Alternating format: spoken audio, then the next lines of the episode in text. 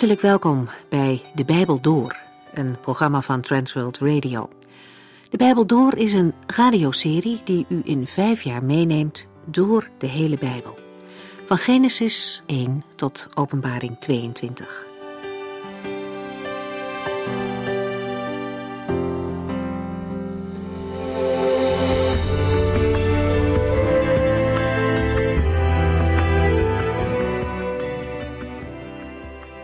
Fijn dat u weer luistert. We lezen vandaag verder in de tweede brief aan Korinthe. In hoofdstuk 11 gunt Paulus ons een blik in zijn leven, in wat hij allemaal doorstaan heeft ter wille van het evangelie. Hij doet dat niet om op te scheppen of interessant te lijken, maar om te laten zien dat hij een echte apostel van Christus is. Er zijn namelijk mensen in de gemeente die zich onterecht ook een apostel noemen en Paulus zo in diskrediet proberen te brengen. Hoofdstuk 11 begint ernstig. Het raakt Paulus diep dat de gemeente zo goed gelovig is wanneer er een ander evangelie en een andere Jezus worden gepredikt dan hij hen heeft voorgehouden. Door deze valse apostelen te geloven dwalen de Corinthiërs weer van Jezus Christus af.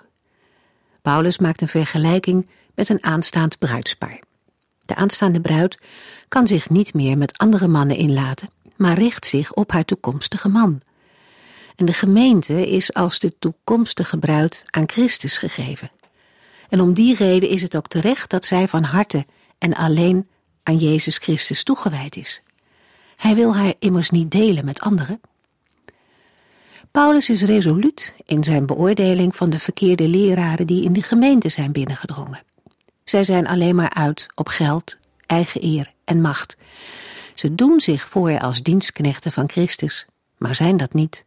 Zij dienen de tegenstander van God.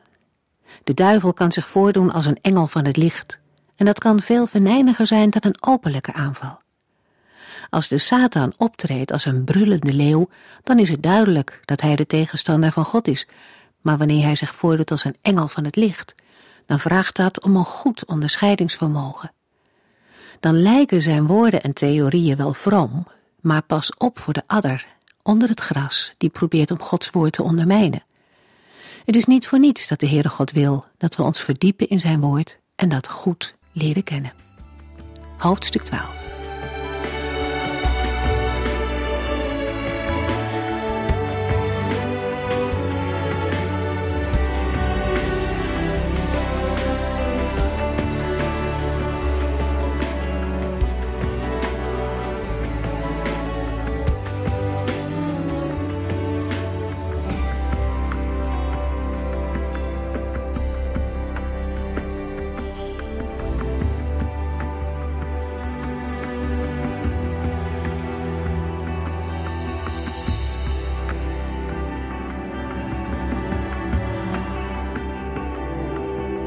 2 Corinthiërs 12 wordt de lijn van het betoog over Paulus' zwakheid onderbroken. Pas in vers 5 keert de apostel naar dit thema terug. 2 Corinthiërs 12 vers 1 Al is het dan nergens goed voor, ik wil mij toch ook nog beroemen op de visioenen en openbaringen die de Heere mij heeft gegeven. Door het opgeblazen roemen van zijn tegenstanders is ook Paulus gedwongen om te roemen. Uit vers 1 wordt duidelijk dat Paulus zelf dit roemen ziet als nergens goed voor.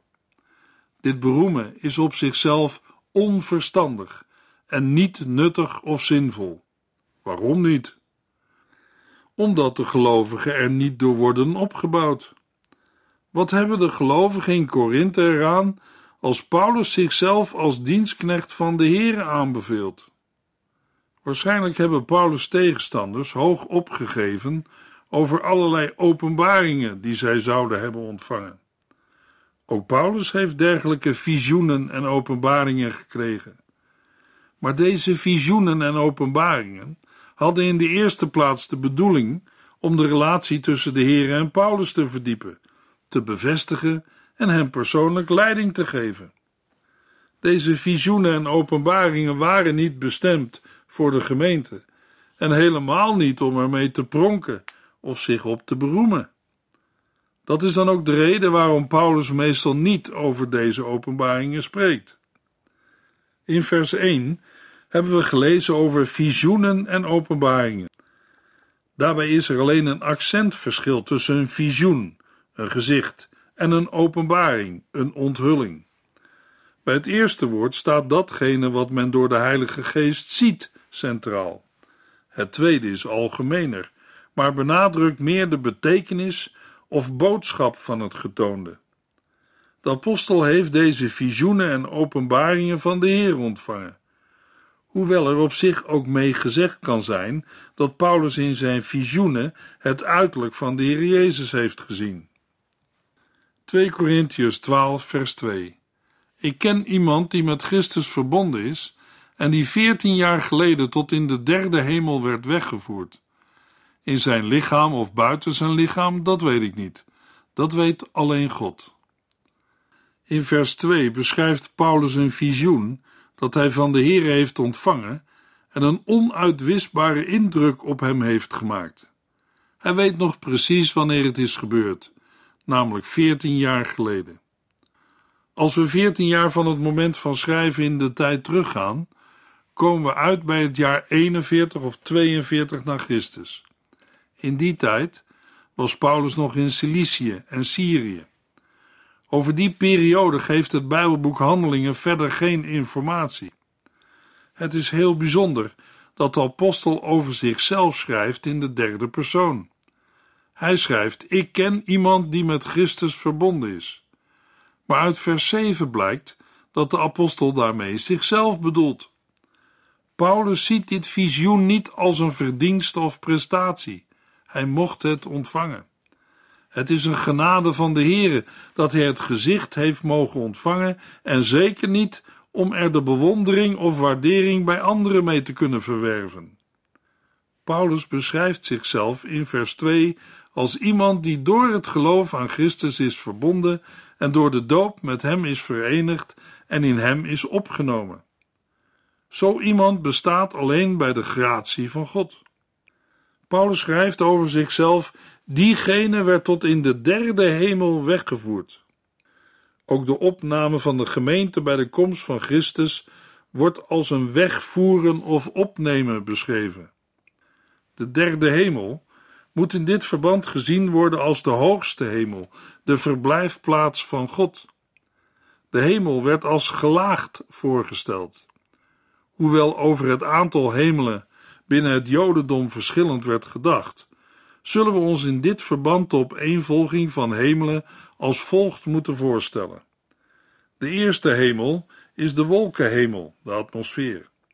De tweede hemel is de sterrenhemel, het heelal. En de derde hemel moeten we ons voorstellen als woonplaats van de Here. Paulus weet zelf niet op welke manier deze wegvoering plaatsvond. Dat de Heere het weet, is voor hem voldoende. Met de woorden in het lichaam wordt een fysieke, lichamelijke verplaatsing bedoeld, zoals die beschreven is in Handelingen 8, vers 39.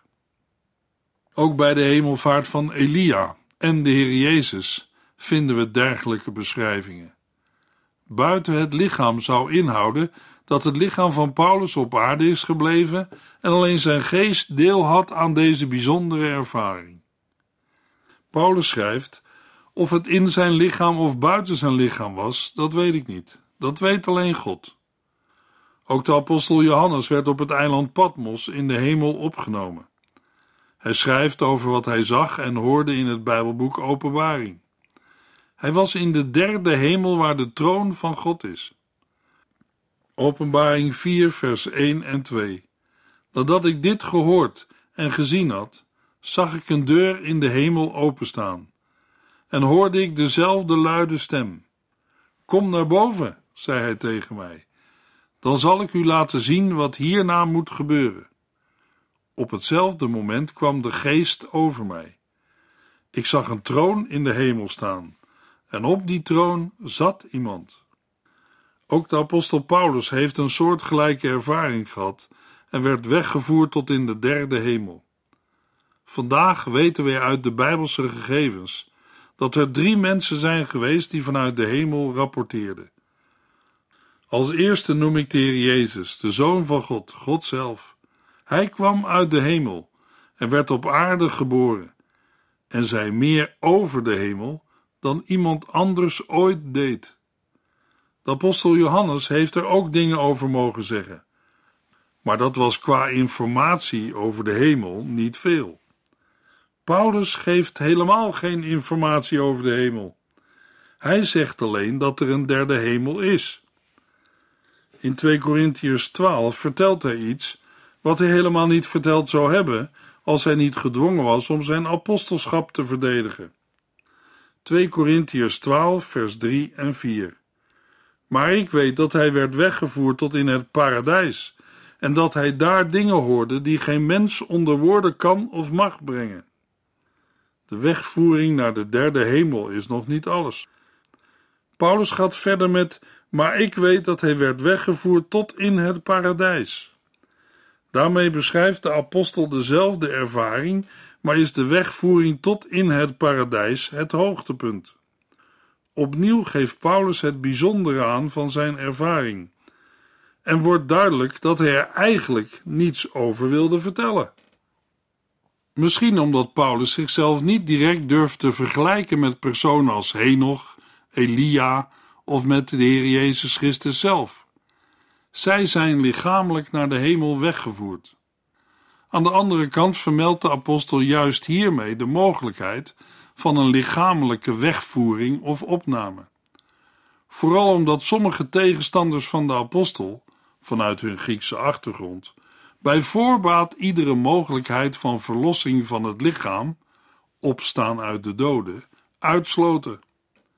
Paulus is er zeker van dat het heil en de verlossing van de Here ook het menselijke lichaam zal inhouden. En daarom behoort ook in het heden een lichamelijke opname tot de werkelijkheid.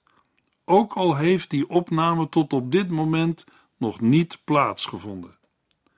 Paulus vertelt in vers 3, nog steeds sprekend over zichzelf in de derde persoon, hij werd weggevoerd naar het paradijs. Als het in vers 2 en vers 3 en 4 om dezelfde ervaring gaat, moeten we ons het paradijs voorstellen als een bepaalde plaats in de derde hemel, waar de gestorven gelovigen in de directe nabijheid van de Here verblijven. Het woord paradijs heeft een Perzische oorsprong en betekent omsloten tuin, hof of park. De Griekse vertaling van het Oude Testament, de Septuaginta, gebruikt het woord in Genesis 2 en 3 als benaming voor de Hof van Ede. In het Nieuwe Testament vinden we het woord behalve in dit vers ook in Lucas 23, vers 43 en Openbaring 2, vers 7, waar het gaat om de verblijfplaats van gestorven gelovigen, een plaats van harmonie en vrede waar de gemeenschap met de Heere volmaakt zal zijn. Paulus geeft geen verdere informatie over de plaats zelf, ook niet over de toestand van de gestorven gelovigen. Hij schrijft alleen dat hij dingen heeft gehoord die geen mens onder woorden kan of mag brengen. De dingen die de apostel daar van God, de Heer Jezus of de engelen gehoord heeft, moet hij voor zichzelf houden. Het is te vergelijken met wat we in Openbaring 10, vers 4 lezen. Ik wilde opschrijven wat de zeven donderslagen hadden gezegd. Maar een stem uit de hemel zei: Houd geheim wat de donderslagen hebben gezegd. Schrijf het niet op. Uit het verband wordt wel duidelijk dat deze ervaring van de apostel Paulus zijn bereidheid om voor het evangelie te lijden of te sterven heeft vergroot. Het is goed om op dit punt even stil te staan bij onszelf. In bepaalde liederen kunnen we soms over grote en geweldige dingen zingen, waarvan we de draagwijd en de werkelijkheid niet altijd of vaak niet doorgronden of beleven. Als voorbeeld denk ik aan het bekende lied van Luther: Een vaste burcht is onze God. In een van de wat oudere vertalingen wordt in een couplet gezongen over het woord van God dat stand houdt tot in eeuwigheid en geen duimbreed zal wijken. Daar staan we ook helemaal achter. Maar verderop in hetzelfde couplet gaat de tekst verder met de woorden: Del vrouw en kinderen het graf, neem goed en bloed ons af, Het brengt u geen gewin. Wij gaan ten hemel in en erven koninkrijken. Zal een verschrikkelijk lijden, ziekte, of zoals het Lutherlied zingt, als goed en bloed ons wordt afgenomen, ons doen volharden in het geloof in God? Als wij ons eigen hart maar een beetje kennen, dan weten we dat we bij al deze dingen de genade en liefde van de Heere dringend nodig zijn.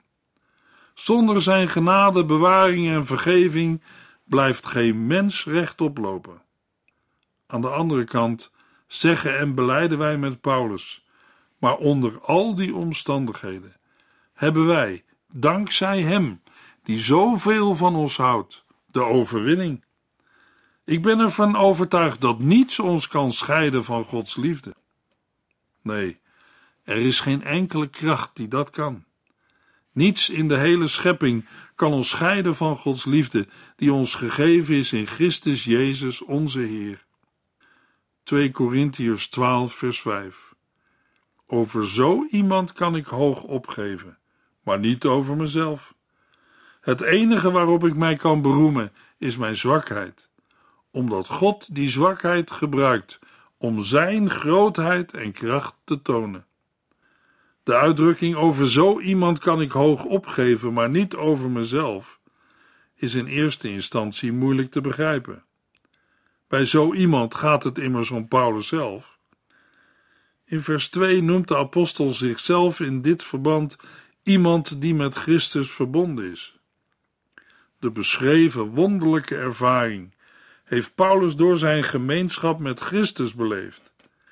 Eén moment mocht hij de heerlijkheid van Christus aanschouwen. Maar de eer en de bewondering voor deze ervaring komen geheel en alleen aan Christus toe. Als Paulus dan roemt over iemand die met Christus verbonden is en veertien jaar geleden tot in de derde hemel werd weggevoerd, roemt hij, door zo over deze ervaring te spreken, over de genade van Christus, die hem ten deel is gevallen.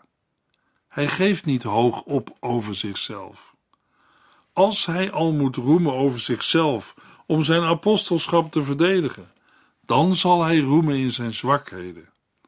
Niet de bijzondere ervaringen, maar de zwakheid, onmacht, vernederingen en het lijden vormen het werkelijke bewijs van zijn apostelschap. En daar heeft Paulus meer mee te maken gehad dan zijn tegenstanders. 2 Korintiërs 12, vers 6. Ik heb er genoeg van over mezelf te praten, hoewel het helemaal niet zo vreemd zou zijn als ik dat deed. Want ik zou niets dan de waarheid spreken, maar ik doe het niet, omdat ik wil voorkomen dat iemand een hogere dunk van mij krijgt dan ik kan waarmaken. Natuurlijk zou het voor Paulus wel mogelijk zijn om eer te behalen uit de visioenen die hij heeft ontvangen. Uiteindelijk heeft hij ze werkelijk beleefd. Terwijl de valse apostelen waarschijnlijk met verzonnen openbaringen proberen indruk te maken op de mensen. In deze richting moeten we het begin van dit vers begrijpen. Hoewel Paulus het dwaas vindt om zich door opschepperij te meten met de dwaalleraars, is hij met een getuigenis over zijn visioenen geen dwaas, omdat hij daarmee de waarheid geen geweld aan doet. De waarheid mag uiteindelijk best verteld worden. Toch schrijft Paulus, maar ik doe het niet. Hij heeft daarvoor twee redenen.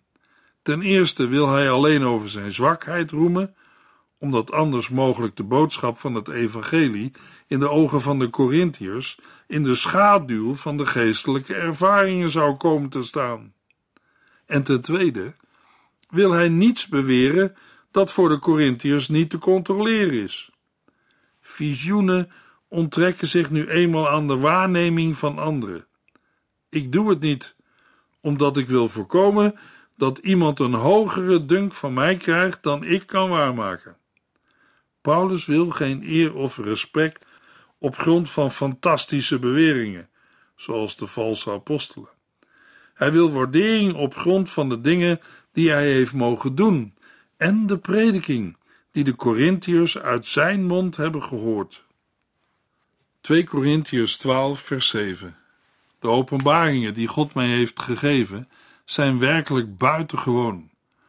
Maar omdat hij niet wilde dat ik mij daardoor iets zou gaan verbeelden, heeft hij mij pijnlijk laten vernederen door een handlanger van Satan, die mij met vuisten slaat. Dat kun je een doorn in mijn vlees noemen. Nee, God zal niet toelaten dat ik mij wat ga verbeelden. Uit vers 9 zal blijken dat de Heere deze kwelling voor Paulus laat voortduren en toelaat. Op dit terrein in Paulus' leven bevrijdt de Heere hem niet. Over de doorn in zijn vlees is veel geschreven. Paulus beschrijft de aanvallen die hij ondervindt als een handlanger van Satan. Uit het verband kan blijken dat het gaat om ernstige lichamelijke pijnen. Dat ook lichamelijke aandoeningen door Satan kunnen worden veroorzaakt, blijkt onder andere uit Lucas 13, vers 16. De woorden in Gelaten 4, vers 13 en 14 wijzen erop dat Paulus leed onder een aandoening die door zijn tegenstanders als iets verachtelijks werd gezien. Kennelijk een zichtbare aandoening.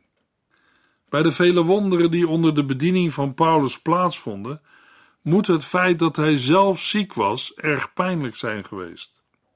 Hoewel gelaten 4 vers 15 figuurlijk kan zijn bedoeld, bestaat de indruk dat Paulus leed aan een ernstige oogziekte die mogelijk zijn gezichtsvermogen aantastte of beperkte. Verdere aanwijzingen daarvoor vinden we in Galaten 6 vers 11 en in Handelingen 23 vers 5, waar Paulus de hoge priester niet herkent. Het is mogelijk dat de pijnen van Paulus een gevolg waren van de vervolgingen, slagen en ontberingen die hij heeft moeten doorstaan. Het precieze karakter van Paulus' pijnlijke kwaal is niet vast te stellen.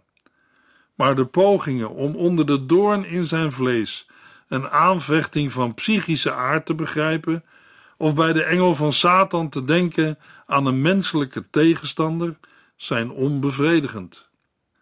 2 Korintiërs 12, vers 8 en 9. Drie keer heb ik de Heere gesmeekt dit lijden te laten ophouden. Maar de Heere antwoordde telkens weer: Mijn genade is genoeg voor u, want kracht ontplooit zich ten volle in zwakheid. Daarom durf ik mij toch op mijn zwakheden te beroemen, omdat dan de kracht van Christus in mij gezien kan worden.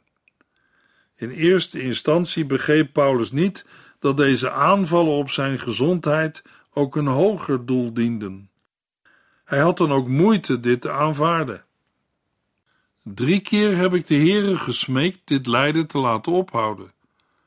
Na driemaal te hebben gebeden en een antwoord te hebben ontvangen, heeft Paulus niet meer gevraagd dat deze handlanger van Satan van hem zou wijken. Dat sluit natuurlijk niet uit dat Paulus dagelijks bad om kracht in de pijn en moeite waarin hij zich bevond, en dat hij die kracht ook daadwerkelijk ontving. Het antwoord aan Paulus is: Mijn genade is genoeg voor u, want kracht ontplooit zich ten volle in zwakheid. Paulus wordt niet verlost van de pijnen die hem worden aangedaan, maar ontvangt in die situatie wel kracht. Hoewel het antwoord van Christus een afwijzing van het verzoek van Paulus inhoudt, is het toch een troostvol antwoord. Paulus moet dit meemaken omdat hij niet hoogmoedig zal worden, maar zal van Christus kracht ontvangen om vol te houden, want kracht ontplooit zich ten volle in zwakheid. Juist in de onmacht van Paulus krijgt de kracht van Christus alle ruimte en komt zijn kracht tot haar volle recht.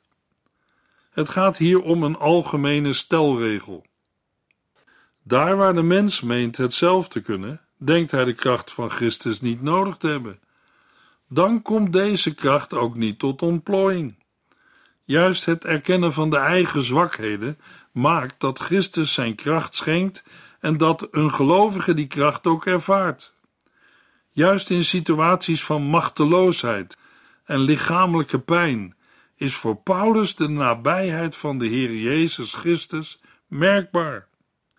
2 Korintiërs 12 vers 10 Daarom kan ik zelfs blij zijn over zwakheden, beledigingen, noodsituaties, vervolgingen en moeilijkheden, die ik ter wille van Christus moet verdragen. Want als ik zwak ben, ben ik pas sterk. We moeten deze woorden van Paulus niet verkeerd begrijpen. Als zou Paulus op zoek zijn naar moeilijkheden en verlangen naar het martelaarschap. Dat is beslist niet het geval.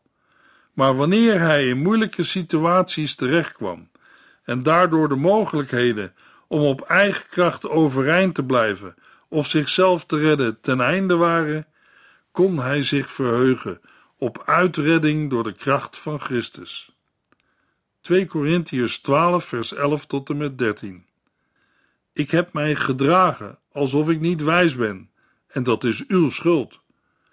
Als u goed van mij had gesproken, had ik het niet hoeven doen. Die zogenaamde geweldige boodschappers van God hebben niets wat ik niet ook heb, al ben ik niets waard. Toen ik bij u was, is in alle opzichten gebleken dat ik een apostel van Christus ben.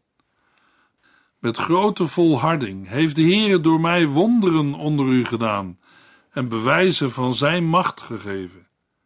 In welk opzicht heb ik u minder behandeld dan de andere gemeenten? Dat ik niet op uw kosten heb geleefd? Wel, dat moet u mij maar vergeven. Dat wat Paulus eigenlijk niet had gewild, is nu toch gebeurd. Hij heeft over zichzelf geroemd. Het was noodzakelijk omdat de Corinthiërs al te gemakkelijk gehoor hadden gegeven aan de zichzelf aanbevelende leugenapostelen. Paulus is van zichzelf niets, maar alles wat hij is en doet, doet hij in Gods kracht. In Paulus' ogen is een vergoeding voor levensonderhoud wel een recht, maar zeker geen plicht en ook geen bewijs van apostelschap. Hij wilde niet op hun kosten leven. Als ze dat fout vinden, dan moeten ze hem dat maar vergeven. In de volgende uitzending lezen we verder in 2 Korintiërs 12 vers 14 tot en met 13 vers 13.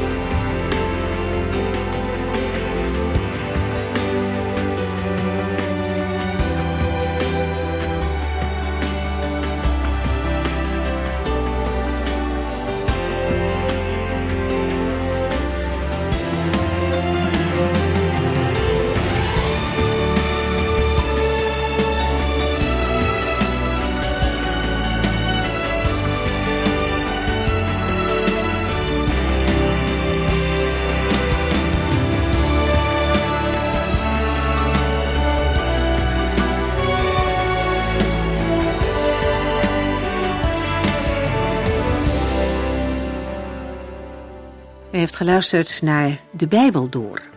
In het Nederlands vertaald en bewerkt door Transworld Radio. Een programma waarin we in vijf jaar tijd de hele Bijbel doorgaan.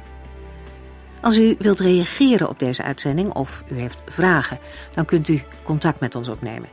Tijdens kantooruren kunt u bellen op 0342 47 8432. 0342 47 8432. 32. Ook kunt u een e-mail sturen naar de Bijbel door transworldradio.nl en natuurlijk kunt u ook via de post ons bereiken. TWR, postbus 371, postcode 3770, AJ in Barneveld.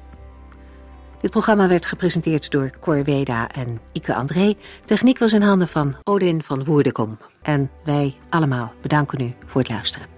Graag tot de volgende keer.